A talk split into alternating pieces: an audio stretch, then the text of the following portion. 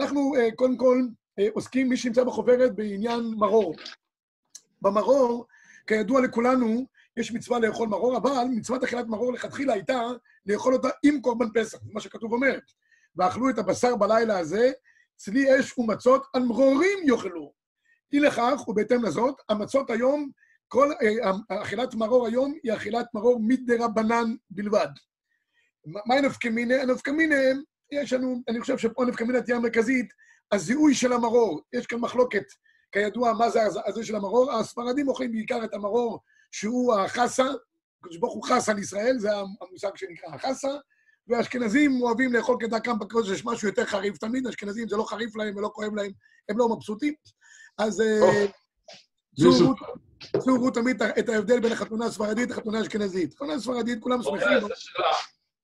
כמו שיש בכיתה של של זה אלה שנכנסים עם מקלדות שנכנסות לתוך הארון הזה. כולם, כולם איתי? כן, עם מחבר אלחוטי. כל המיקרופונים, לי שזה מישהו, הזכרתי, זה היחידי שיש לי. אני... שומעים אותי רבותיי, כי מישהו נכנס פה באמצע. נשמע. מה קורה? איזה מצב זה. משהו לא ברור, חבר'ה. שם, מטפסים על הקירות, מטפסים. מה זה? תוריד את כולם פה. אה? עודד, עודד, תראה, שבוע הבא, נקרא לך. יכול לדבר? הלו? סידרנו את זה הרב, שומעים רק את הרב. אוקיי, תודה רבה. יישר כוח. אז אנחנו אמרנו שזה ההבדל בין ספרדים לבין אשכנזים. ספרדים תמיד שמחים מתחת לחופה, ואשכנזים, עד שלא בוכים, הם לא שמחים. ככה זה, אז גם, זה מגיע גם למרור. הספרדים אוכלים את, ה, את החסה, קצת מתוק, אבל מסבירים כל מיני הסברים. הבאתי פה ירושלמי, אנחנו סומכים על ירושלמי מקום שבע למי שיש את החוברת. חזרת, תחילתה מתוק, סופה מוח, זה מה שעשו גם המצרים, לאבותינו. תחילה היה במיטה חושבת אביך עמך, ואחר כך וימהרו את חייהם. בקיצור, הספרדים סומכים על החסה ואוכלים כזית חסה, בסדר גמור. אשכנזים שיאכלו, הרי, הרי כתוב לגבי מרור, צריך לאכול מרור בשיעור של כזית. למה? כתוב על מרורים יאכלו, כל מה שנאמר בלשון אכילה צריך להיות בכזית.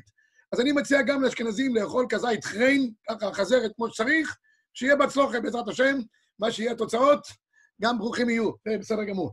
בכל אופן, אה, אה, אה, לכן החזון איש, דרך אגב, הוא חלק, כי המחבר כתב במקור חמש, ירקות שיוצאים מידי חובתו, עיקר המצווה בחזרת. ובסופו של דבר אנחנו אוכלים את החסה, כמו שאמרתי, ותראו את השולחן ערוך הרב, קודם על פי שהחזרת אין בה מרירות. מכל מקום, כשהוא בקרקע מתקשה הקלח ונעשה מר מאוד, מפני כך נקרא מרור, ומצווה לחזר אחריה, אף כשהיא מתוקה. בקיצור, אנחנו אוכלים, ורוב השיטות אני חושב שאוכלים חסה, ויוצאים מזה ידי חובה. מי שרוצה להוסיף לזה קצת חזרת כדי להרגיש יותר טוב, גם ברוך יהיה. כמו שאמרתי, צריך לאכול את, ה, את, ה, את החזרת, את החסה, הכוונה, מרור, בשיעור אכילה של כזית. המחבר כותב מקור 14, אחר כך ייקח כזית מרור, ישקענו קצת כולה בחרסת, לא ישנו בתוכה שלא יבטל טעם נראותו, ואתה צריך לנער החרוסת מעליו. ככה אנחנו גם uh, נוהגים לעשות. אוקיי, לגבי העניין של הכורך, כל אחד עושה כמנהגו, אני לא חושב שפה צריך uh, להאריך יותר מדי. אני רק רוצה לגעת גם קצת בעניין של uh, שולחן עורך, ופה נקודה חשובה. שולחן עורך, כידוע, יש דיון לגבי העניין של לאכול צלי בליל הסדר.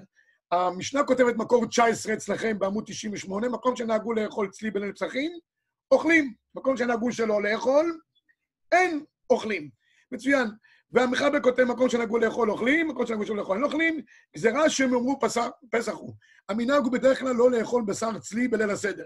שלא חד ושלום להיכשל באיסור קודשים בחוץ. זו ההקפדה שבדרך כלל צריכים להקפיד בעניין של הזה. והרמ"א כותב ב-22, נוהגים מקצת מקומות לאכול בסעודה ביצים זכר לאבלות, ונראה לי הטעם משום שליל תשעה באב נקבע בליל פסח, ועוד זכר לחורבן שמקריבים קורבן פסח. אז המנהג הוא לאכול בליל הסדר, כן לאכול ביצה. אצלי עדיף לאכול אותו ביום ולא בלילה. ביום אין חשש. ביום אף אחד לא יגיד שזה קורבן פסח או משהו כזה, או צלי לפסח. אבל בלילה יש חשש ולכן נהגו שלא לאכול צלי. אבל ביצה כן נהגו לאכול. שני דברים יש לביצה. תפקיד אחד של ביצה זה משום מצוות חג... קורבן חגיגה, ועוד דבר, משום עניין להזכיר את תשעה באב. עניין אבלות. מה העניין? לעולם. כשיצא ליל פסח, ליל הסדר, יצא גם ליל תשעה באב. תמיד זה כנגד זה עשה אלוקים. זה מה שאנחנו אומרים במגילת איכה, האכלני מרורים. מה זה האכלני מרורים? זה המרורים שאכלנו ב- ב- בליל הסדר. ברעיון, לא נרחיב פה ברעיונות כרגע, אבל ברעיון הוא, הקדוש ברוך הוא הוציא את עם ישראל ממצרים בצבאותם. בצבאותם הוציא אותם ממצרים. הקדוש ברוך הוא הוציא את כולם ביחד ממצרים. התנאי לצאת לגאולה זה שיהיה בצבאות, שיהיה כלל עם ישראל ביחד. אם חלילה יש מצב של פירוד, זה לא גאולה, זה גלות. כיוון שבליל הסדר, עם ישראל יצא כאיש אחד בלב אחד, ובליל תשעה באב לעוונותינו היה שנאת חינם והיה פירוד ולא היה צבאות עם ישראל, אז זה כנגד זה עשה אלוקים. הגאולה היא תמיד תהיה בגדר של, של, של אחד, והגלות תהיה בגדר של פירוד. ולכן אוכלים ביצים בליל תשעה, בליל הסדר, להזכיר אל ליל תשעה באב, שאם לא נהיה מאוחדים, נגיע לליל תשעה באב, כי תמיד זה אותו יום יוצא ביחד. במאמר מוסגר המהר"ל כותב דבר נפלא, המהר"ל אומר שהמילה גאל וגלה זה אותן אותיות חוץ משינוי של א' ו-A. גאל זה עם א', הגאולה תמיד עם א', והגלה זה עם A. למה יש הבדל ביניהם? אומר המהר"ל, כשהגאולה היא באה בתנאי שכלל ישראל ביחד כאיש אחד בלב אחד, אז יש את האות א', זה אחד. חלילה, כשיש מצב של שנאה ופירוד בעם ישראל, זה נהפך מאותיות ג', ל', ה', ה' בנויה בצורה של פירוד. יש רש וצ'ופצ'יק מלמטה. כשיש מצב של חלילה שיש אה, שנאה, יש פירוד, זה גלה. כשיש אחדות, זה גאל, גאל ישראל. אבא טליה. מכאן, אני רק רוצה להעיר הערה חשובה לגבי עניין של שולחן עורך. שולחן עורך, יש מצווה לאכול סעודת החג, זה חלק ממצוות ושמחת בחגיך. רק הערה חשובה ברשותכם, הגמרא אומרת בפסחים קט עמוד א', ושמחת בחגיך כל אחד בראוי לו. גברים בראוי להם בשר ויין, נשים בראוי להם כלי פשתן, כלי, כלי צבעונים, וילדים בראוי להם. אנחנו עכשיו נמצאים כולנו בהסגר וכולם חוגגים שלא צריכים להוציא הוצאות בשביל אנשים, לשמח אותם בחג. אמרתי לעצמי, מה, מה עושים? הרי כתוב ושמחת בחגיך. אז הגברים כבר שמחים בזה שאין הוצאות, זה אני יודע, זה כבר קימו אותה ושמחת בחגיך. אבל תכלס, צריך לשמח גם את הנשים. אני חושב שמן הראוי לבוא לפני החג לאישה, לתת לה בון, יש כזה מושג שנקרא בון. כרגע בענבי בנותנים לך בון. בון זה מין זכות, מין שובר כזה, שאתה יכול לממש אותו. מצווה על כל אחד, לפני החג, ללכת לאשתו, לא לתת לה את הכרטיס אשראי, זה חבל, זה כבר בל תשחית, אבל לתת לה את, ה, את הבון, להגיד לה, גברת, בזה אני משמח אותך לחג. אחרי, אחרי שנצא מה, מההסגר הזה, בעזרת השם, יש לך אפשרות לממש את הזכות. לעניות דעתי, זה קצת אפילו מצווה דאורייתא.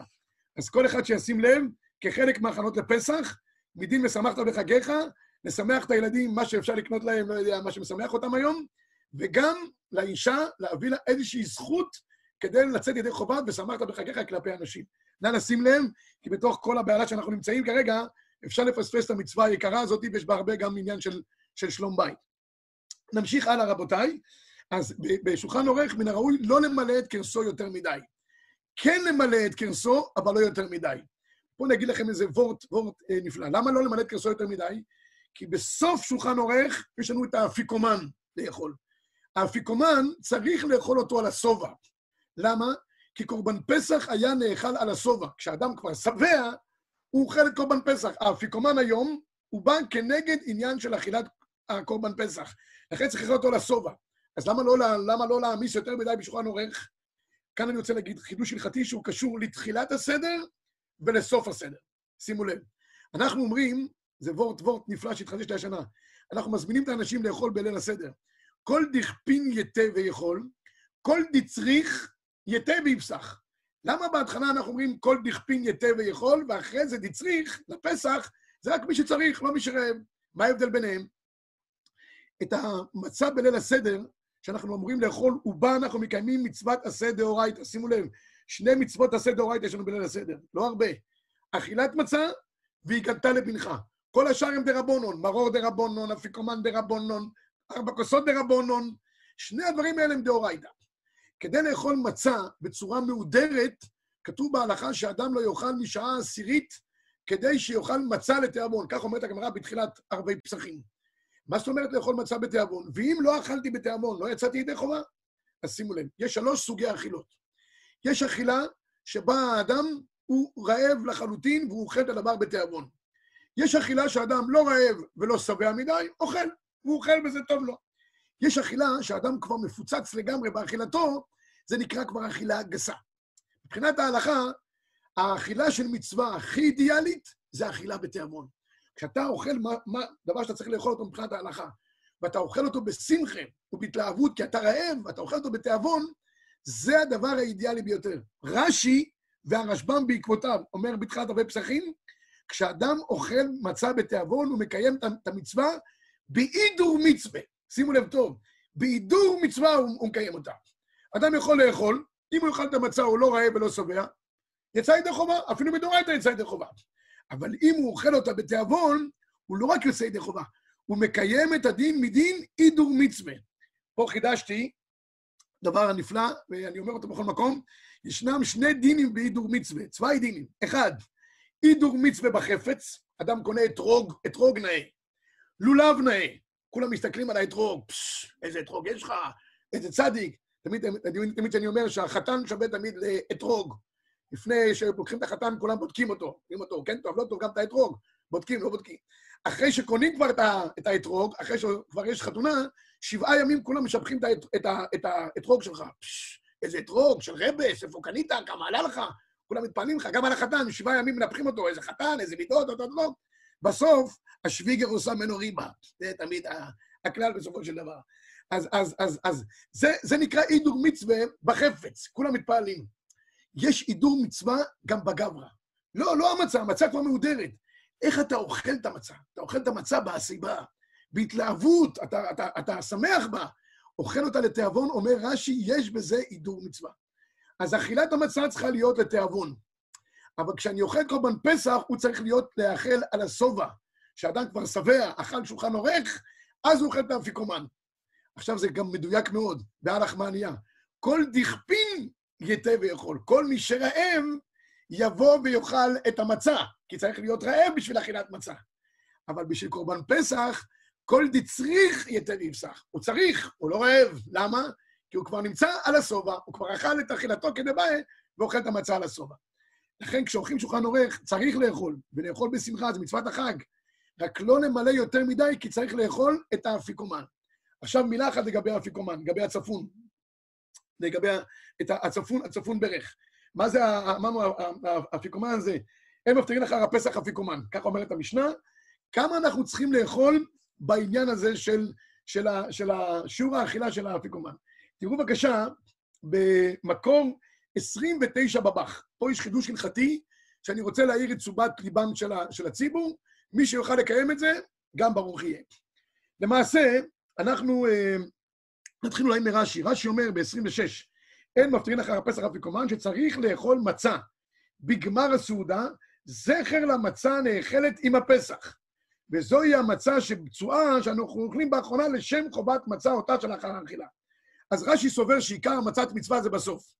הרבה חלקו כבר על הרש"י, הראש אמר, מה פתאום? אנחנו יצאנו ידי חובת מצה כבר בתחילת ליל הסדר. הרי אנחנו אמרנו, מוציא מצה. כשאמרנו מוציא מצה, שם כבר קיימנו את מצוות האכילה. אז לפי הראש, מה אנחנו אוכלים את האפיקומן בסוף, את המצה בסוף? אומר הראש, אוכלים אותה זכר לפסח. ככה אנחנו גם פוסקים, דרך אגב, לא פוסקים כרש"י, שהמצת מצווה זה בסוף הסדר, בסוף השולחן עורך, אלא בתחילתה. נפקא מינה לגבי הכוונה. איפה אדם צריך לכוון לצאת ידי חובה, מצוות צריכות כוונה. לצאת ידי חובת מצוות אכילת מצה מדאורייתא, במצה הראשונה, במוציא מצה, לא בצפון, צפון ברך, לא, ב, לא באפיקומן. אז אנחנו פוסקים כדעת הראש, מצוין. כמה מצות צריכים לאכול באפיקומן? לכאורה, מספיק לאכול מצה אחת. או לפי שיטת רש"י, כנגד אכילת מצה, או כנגד אכילת קורבן פסח. בא הבח וחידש חידוש. למי שיש את החוברת, הבח במקור 29 מחדש כך. מנהגנו, ניקח חלק הגדול לאפיקומן, אוכלים ממנו כשיעור שני זיתים. אחד זכר לפסח, ואחד זכר למצה הנאכלת עם הפסח. אומר, אומר הבח, מן הראוי לאכול שני כזיתים בצפון, באפיקומן, אחד כנגד הקורבן פסח, זכר לקורבן פסח שנאכל בסוף הסעודה, ואיתו עוד כזית עם הקורבן פסח בעצמו. בקיצור, רבותיי, שני כזיתים. לפי החשבון הזה של הבח, אנחנו צריכים לאכול בסך הכל חמש כזיתים בליל הסדר.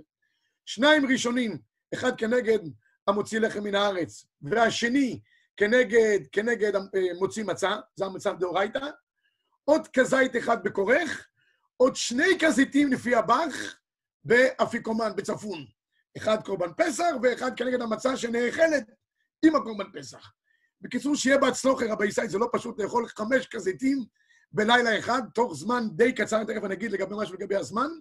לכן אני אומר, בגלל שצריך לאכול באפיקומן, כזית אחד לפחות, זה ודאי לכולי עלמא, או מי שרוצה להיעדר לאכול שני כזיתים, לא למלא את כרסו יותר מדי בשולחן עורך, אפילו שהאישה מכינה מעדנים שלא היה כדוגמתם בעולם, כדי שיאכל את זה בצורה לא... לתיאבון הוא כבר לא יאכל, זה בטוח. אני מקווה שלא יאכל את זה. אם, אם הוא אוכל את האפיקומן לתיאבון, מצבו חמור, שמרחם. אבל לפחות שיאכל את זה כשיאכל לאכול ולא יהיה אכילה גסה, כמו שביארתי בהתחלה. אז ככה הוא לעשות. אני אגיד פה עוד נקודה אחת. תראו, שיעור אכילה של כזית זה 27 סמ"ק. יש כאלה שמרחיבים את זה ליותר, יש כאלה שמצמצמים את זה גם לפחות, 19, 17, מי שקשה לו במיוחד, 11, גם עובר.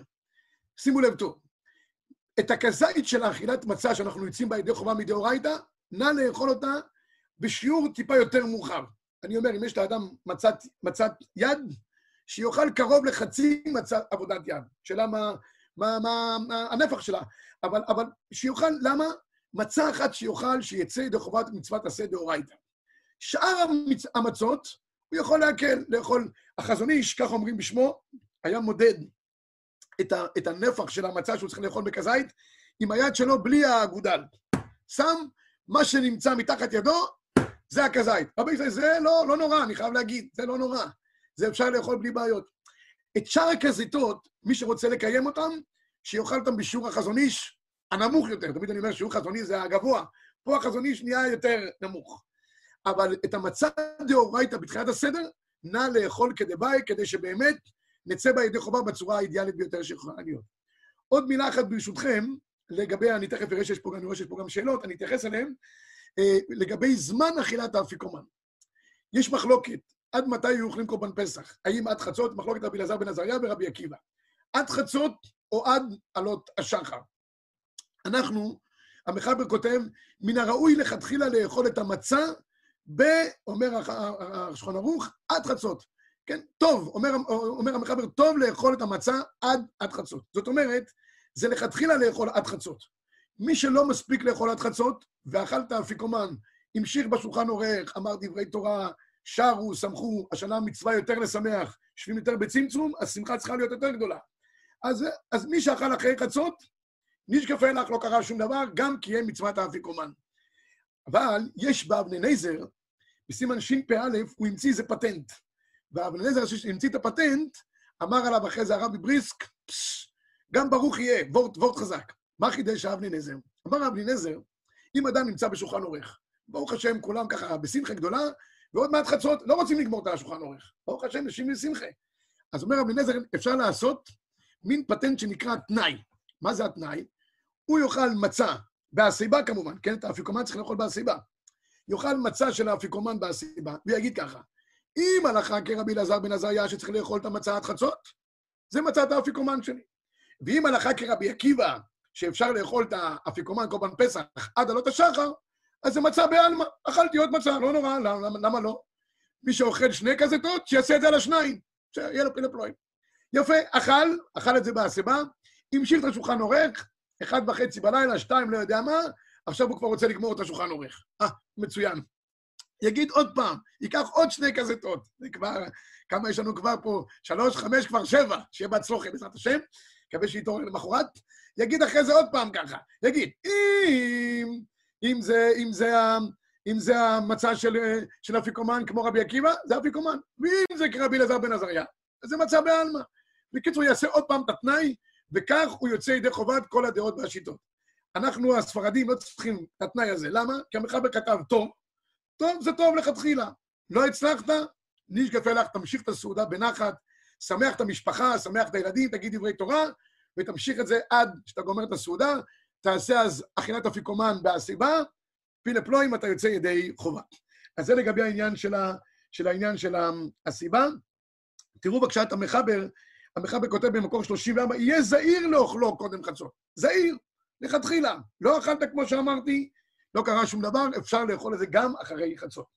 טוב, לגבי העניין של ברך ברכת המזון ידוע לכולם, צריך להגיד יעלה ויבוא וכולי, לא, לא ארחיב בדבר הזה. ואז אנחנו אומרים בסוף הזה, הלל. הלל נרצע.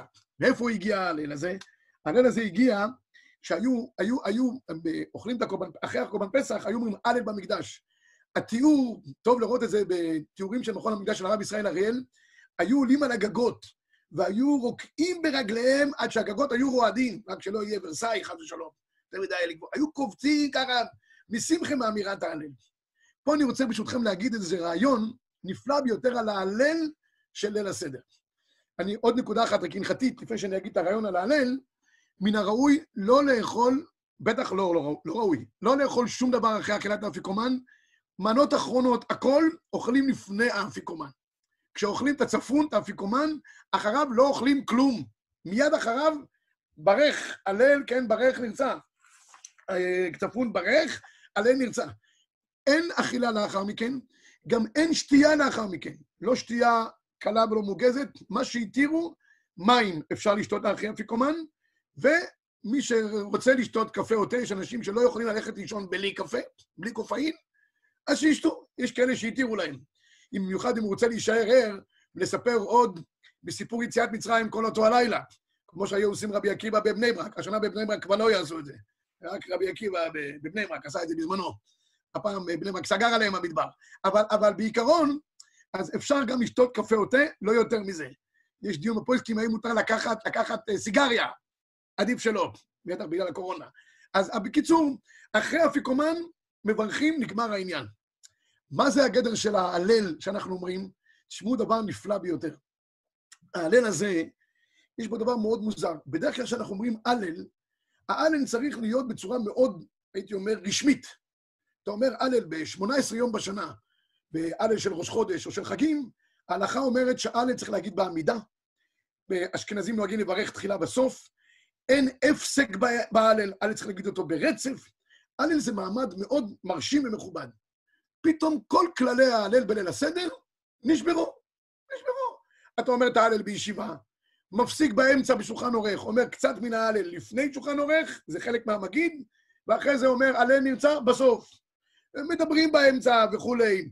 אין ברכה תחילה בסוף להלל. המון כללים בהלל נשברו, מה קרה פה? תשמעו דבר נפלא. ההלל של כל השנה הוא הלל של עבדים, הלל של פקודים בצבא.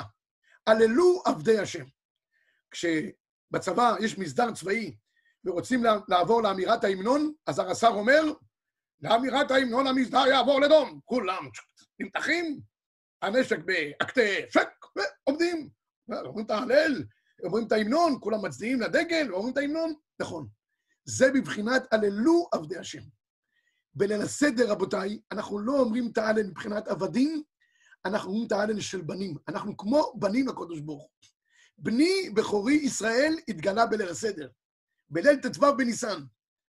כשבן רוצה להגיד לאבא שלו הלל ושירה, אז הוא אומר לו, אבא, אני רוצה לה, להגיד לך כמה דברי שבח, אני מאוד אוהב אותך. אבא אומר, אתה רוצה לדבר איתי, אה, להגיד לי שבח? אני מבקש ממך לעבור לדום, תצדיע לי בקפה, ו... אז הבן שלו, שב, בני היקר, תגידי מה אתה רוצה, צוחקים, מדברים. האלן של ליל הסדר הוא אלן של שירה. הוא לא אלן של המנון. ולכן אומרים אותו בצורה הכי מרווחת שיכולה להיות, בצורה הכי נעימה שיכולה להיות. ולכן, כשאמרו עם ישראל את, ה, את השירה בים, איך אנחנו אומרים בתפילה? ראו בניך על הים, ראו בנים את גבורתו. כשמדברים על מצב של שירה, אנחנו נהפכים לבנים. כשאנחנו אומרים את ההלם מבחינת המנון, אנחנו נהפכים לעבדים. בליל הסדר אנחנו גם כבנים, גם כעבדים, עולים למעלה ולמטה, אבל באמירת ההלל אנחנו ודאי מרגישים תחושה של קרבה לקדוש ברוך הוא, קרבה של בנים בצורה הכי מרוממת שיכולה להיות. ולכן צריך להגיד את ההלל בשמחה יתרה. ומתוך ההלל הזה אנחנו נתגעגע לימים האידיאליים שלנו באכילת קורבן פסח בירושלים. אני רוצה ברשותכם לחתום את, העניין הזה בשני דברים. אנחנו אומרים, הלל נרצע. אז הלל נרצע, הקדוש ברוך הוא רוצה את כל מה שעשינו בליל הסדר. 60 דברים עשינו בליל הסדר, כל הסדר. עשינו אותם בשמחה, התכוונו בהם כדבעי, הסבנו בהם, עמדנו בשיעורי האכילה, זה רצוי לפני הקדוש ברוך הוא, עושים את רצונו בצורה האידיאלית.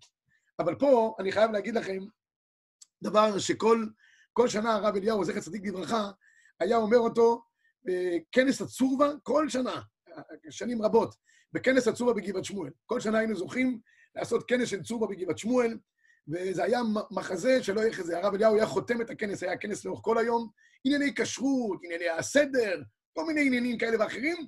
חותם את היום היה הרב אליהו, זכר צדיק לברכה. היה בית כנסת אחד רחמים, זכור לטוב, כולו עמוס, והכניסה של הרב אליהו והיציאה הייתה מרשימה ביותר. הרב היה מדבר שעה וחצי, שעה וחצי הרב היה מדבר. אני חייב להגיד רק משהו, שהרב אליהו היה יוצא החוצה, היה לוקח איזה חצי שעה שיוצא. כל, כל מי שהיה מגיע לכנס, מנשק לו את היד, מבקש ברוכה, ואדם צדיק. תמיד הייתי הולך לרב אליהו אחרי ה, המעמד הזה, אני בא להגיד תודה רבה שהרב הגיע, הייתי אומר לו, הרב, זה היה כמו מעמד הר סיני ממש. כל שנה הוא אומר לי, ואיך אנחנו נכנסנו לאשכנזים האלה, כמה בגבעת שמואל? כל שנה הוא היה מתפעל איך הוא נכנס לגבעת שמואל ויצא בשלום מן הקודש. אה, אה, בקיצור, אז תמיד בסוף הכנס הוא היה אומר לנו ככה, אנחנו אומרים בהלל, אנא השם הושיע נא, אנא השם מצליחה נא. מה זה אנא? אנא השם הושיענו, אנא השם הצליחנו, ארוויחנו. מה זה אנא? אז הרב היה אומר ככה, נא קשור לקורבן פסח. לא תאכלו ממנו נא, כי אם צלי אש. מה זה נא? נא זה קומסי קומסה כזה. כזה, חצי חצי. לא יודע איך אומרים את זה במסעדות. יש רר ויש מרר ויש מדיום, לא יודע, קיצור, איך אתה אוכל את הבשר? אומרת לך התורה, אל תאכל את הבשר ככה ככה, תאכל את הבשר כי אם צלי אש, עד, עד הסוף כמו שצריך. אז אומר הרב אליהו, כתוב שאין בן דוד בא, אלא או בדור שכולו זכאי, או בדור שכולו חייב. וריבונו של עולם, לא יודע איך אנחנו, איך אנחנו נביא את הגאולה. דור שכולו זכאי, תמיד יהיו כמה כאלה שיעשו גונצים. דור שכולו חייב, רק צדיקים כמוכם, שבאים לצפרתה כל יום חמישי. עכשיו אני רואה פה, ברוך השם, עשרות אנשים שומעים את השיעור. סליחה, גם אתם מעכבים את הגאולה, רבותיי. אתם לא עושים, לא יהיה דור שכולו חייב. מה נעשה? אומר ריבונו של עולם, מתי תבוא הגאולה? אומר לקדוש ברוך הוא, אנא השם הושיע נא. גם שהדור הוא נע, שהוא ככה ככה, אנא השם הושיע נא, אנא השם מצליחה נא. שהקדוש ברוך הוא יושיענו גם כשהדור לא כולו זכאי. בטח שלא כולו חייב, שקדוש ברוך הוא גם יושיע אותנו בזכות אמירת ההלל. אומר הרמב"ם, מצווה שאדם ילך לישון בליל הסדר, שהוא מדבר בסיפור יציאת מצרים עד שתחטפנו שינה. פעמיים הרמב"ם אומר את זה, בפורים ובפסח. גם בסעודה עד שירדם, המצווה שמה להירדם עד שלא ידע, ובפסח לספר בשבח יציאת מצרים. ומתוך המיצרים שאנחנו נמצאים בהם עכשיו, כל אחד נמצא במיצר שלו, בבית שלו, הקדוש ברוך הוא יוציא אותנו למרחבים. מן המצר קראתיה, בקרוב ענני במרחב יד. שיהיה לכולם פסח כשר ושמח, אני בטוח שכשר יהיה לכולם, כולם עוזרים, אין לאן לברוח.